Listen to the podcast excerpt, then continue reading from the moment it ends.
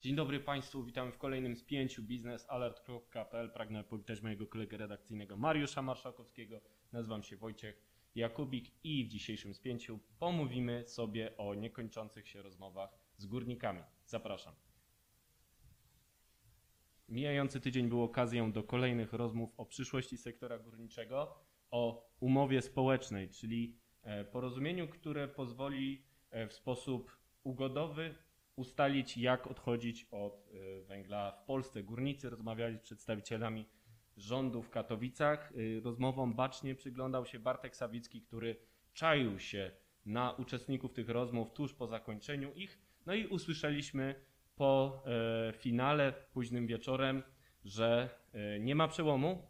Dalsze rozmowy mają toczyć się w grupach roboczych, które już będą się przyglądać poszczególnym zagadnieniom, ale poznaliśmy też oczekiwania e, strony związkowej. Związkowcy przedstawili własną propozycję takiej umowy i ta umowa zakłada, że między innymi e, będziemy wracać do węgla w projekcie elektrowni Ostrołęka C.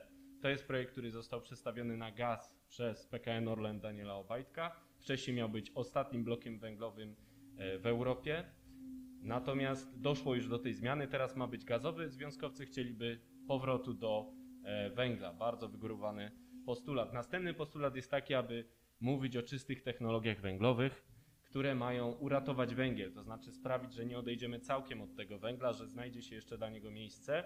Tylko, że o tych technologiach węglowych mało kto e, słyszał poza naukowcami, którzy faktycznie pracują nad nimi, ale nie na rynku, tylko w laboratoriach.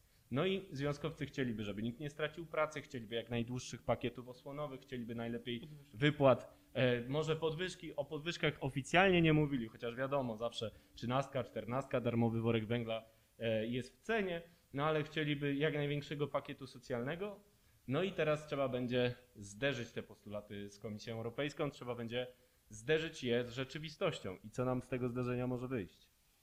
No właśnie, no z tego może wyjść wielkie, wielkie nic, jeżeli Komisja Europejska y, zaneguje propozycję, bo najpierw to, co powiedziałeś, czyli najpierw musi dojść do konsensusu między związkami zawodowymi a rządem, a potem to rząd będzie prezentował ten projekt transformacji energetycznej węglowej sektora górniczego w Polsce Komisji Europejskiej. Komisja Europejska może powiedzieć nie.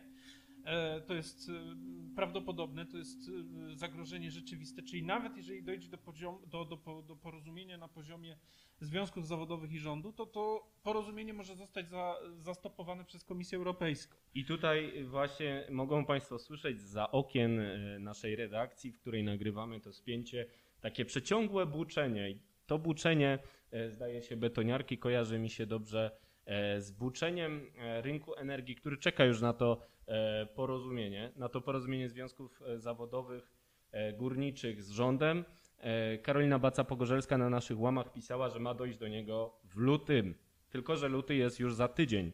E, Kiedy my nagrywamy, jest, jesteśmy w środku przedostatniego tygodnia stycznia, zaraz będzie luty, natomiast rozmowy się toczą. Nie wiadomo, kiedy one się zakończą. Nie wiadomo, e, jak szybko e, rząd ze związkowcami przedstawi ten projekt umowy społecznej Komisji Europejskiej, a zegar tyka. Zegar tyka, bo Fundusz Sprawiedliwej Transformacji, który ma transformować regiony pogórnicze jak Śląsk, czeka na projekty. Czeka, aż my, Polska, wyślemy listę projektów po to, żeby dostały pieniądze ze środków e, unijnych, żeby można je było już teraz finansować w 2021 roku, a my nie wiemy, co chcemy zrobić, bo cały czas sobie dyskutujemy, dlatego to przeciągłe buczenie z rynku energii na pewno rozlega się także w kancelarii premiera, która naciska na to, żeby jednak doszło do jakiegoś porozumienia. A jak inne stronnictwa? Bo wiemy, że Mateusz Morawiecki jest już cały zielony, a reszta?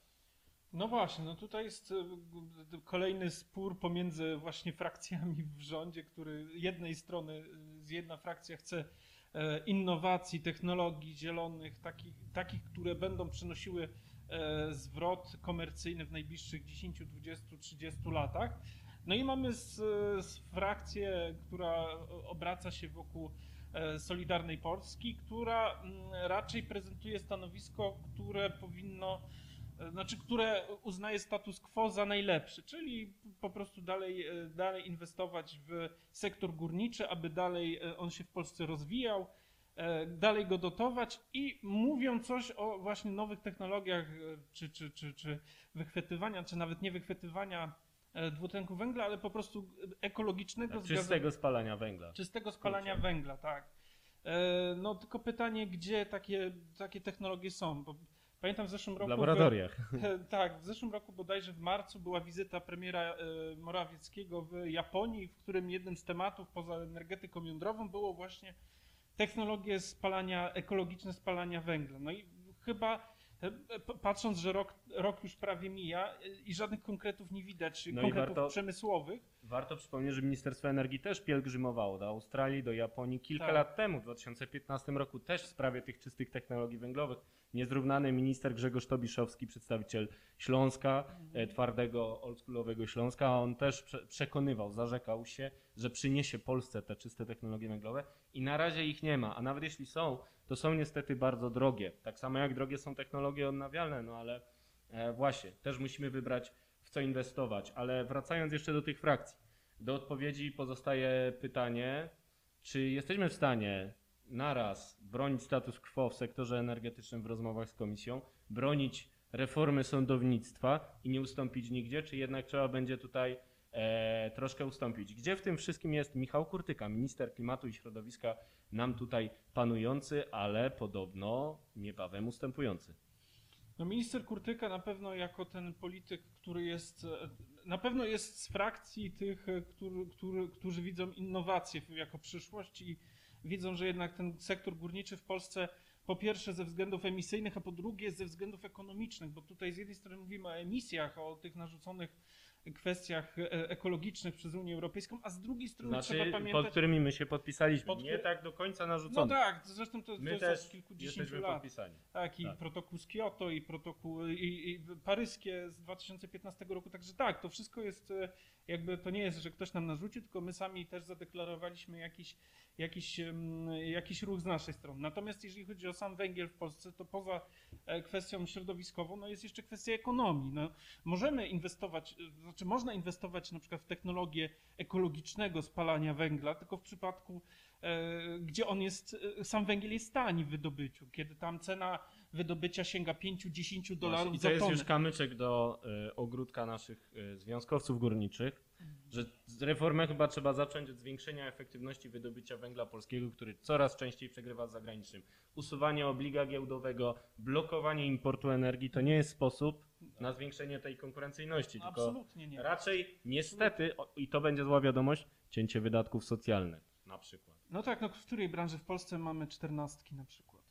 I darmowy węgiel. Deputaty, no tak, no to są takie rzeczy, które no w- normalnej gospodarce wolnorynkowej, która musi konkurować z innymi dostawcami z Rosji, z Chin, gdzie nie ma takich przywilejów socjalnych, w trudnych warunkach, gdzie ta konkurencja jest coraz bardziej zażarta, no Tak, bo to- jest coraz mniejsze zapotrzebowanie na ten węgiel. co niestety to jest, to jest świat, właśnie świat odchodzi od węgla, czyli coraz więcej, coraz mniej y, jest regionów, kierunków, w których ten węgiel może być sprzedawany, a coraz, a, a liczba producentów no jest w zasadzie y, jest konstant, bo jest i Chiny, i Rosja, i Australia, które po prostu mają bardzo tanią, mogą ten węgiel wydobywać niskimi nakładami, więc mogą to, to robić. U nas, gdzie trzeba fedrować kilkaset metrów, czy kilka, po- ponad tysiąc metrów w głęb, w głąb ziemi, wydobywać ten węgiel, trudne warunki pracy, no to faktycznie te koszty są znacznie większe niż na przykład w porównaniu do rosyjskiego, kazachskiego czy e, australijskiego Tak. węgla. I dopełniając tę dyskusję, warto też wspomnieć, że ta, y, to mityczne poparcie Śląska dla węgla może się niebawem zmienić. Bo kto młody będzie chciał iść do kopalni, pracować kilka tysięcy metrów pod ziemią e, w niebezpiecznych warunkach, bardzo wysokiej temperaturze, jeżeli znajdzie zatrudnienie gdzie indziej. Po to jest też Fundusz Sprawiedliwej Transformacji, żeby dać alternatywę ludziom, którzy do tej pory nie widzieli jej e, poza sektorem węglowym. Ona jest, ona i tak będzie, niezależnie od tego, co my zrobimy. I jeżeli związkowcy nie zaczną rozmawiać poważnie o reformie górnictwa, to zostaną sobie z tym węglem sami. I y, są takie zabawne postulaty w, w internecie, żeby może stali się udziałowcami tych spółek węglowych, sami nimi zarządzali i pokazali, jak bardzo dochodowe e, jest to przedsięwzięcie. Więc apel na dziś, na koniec pięcia biznesalert.pl to jest panowie, proszę zakończyć już te rozmowy jakimiś konkluzjami i reformować w końcu górnictwo. To wszystko w dzisiejszym spięciu biznesalert.pl. e, rozmawiali Mariusz Marszałkowski i Wojciech Jakubik. Zapraszamy za tydzień.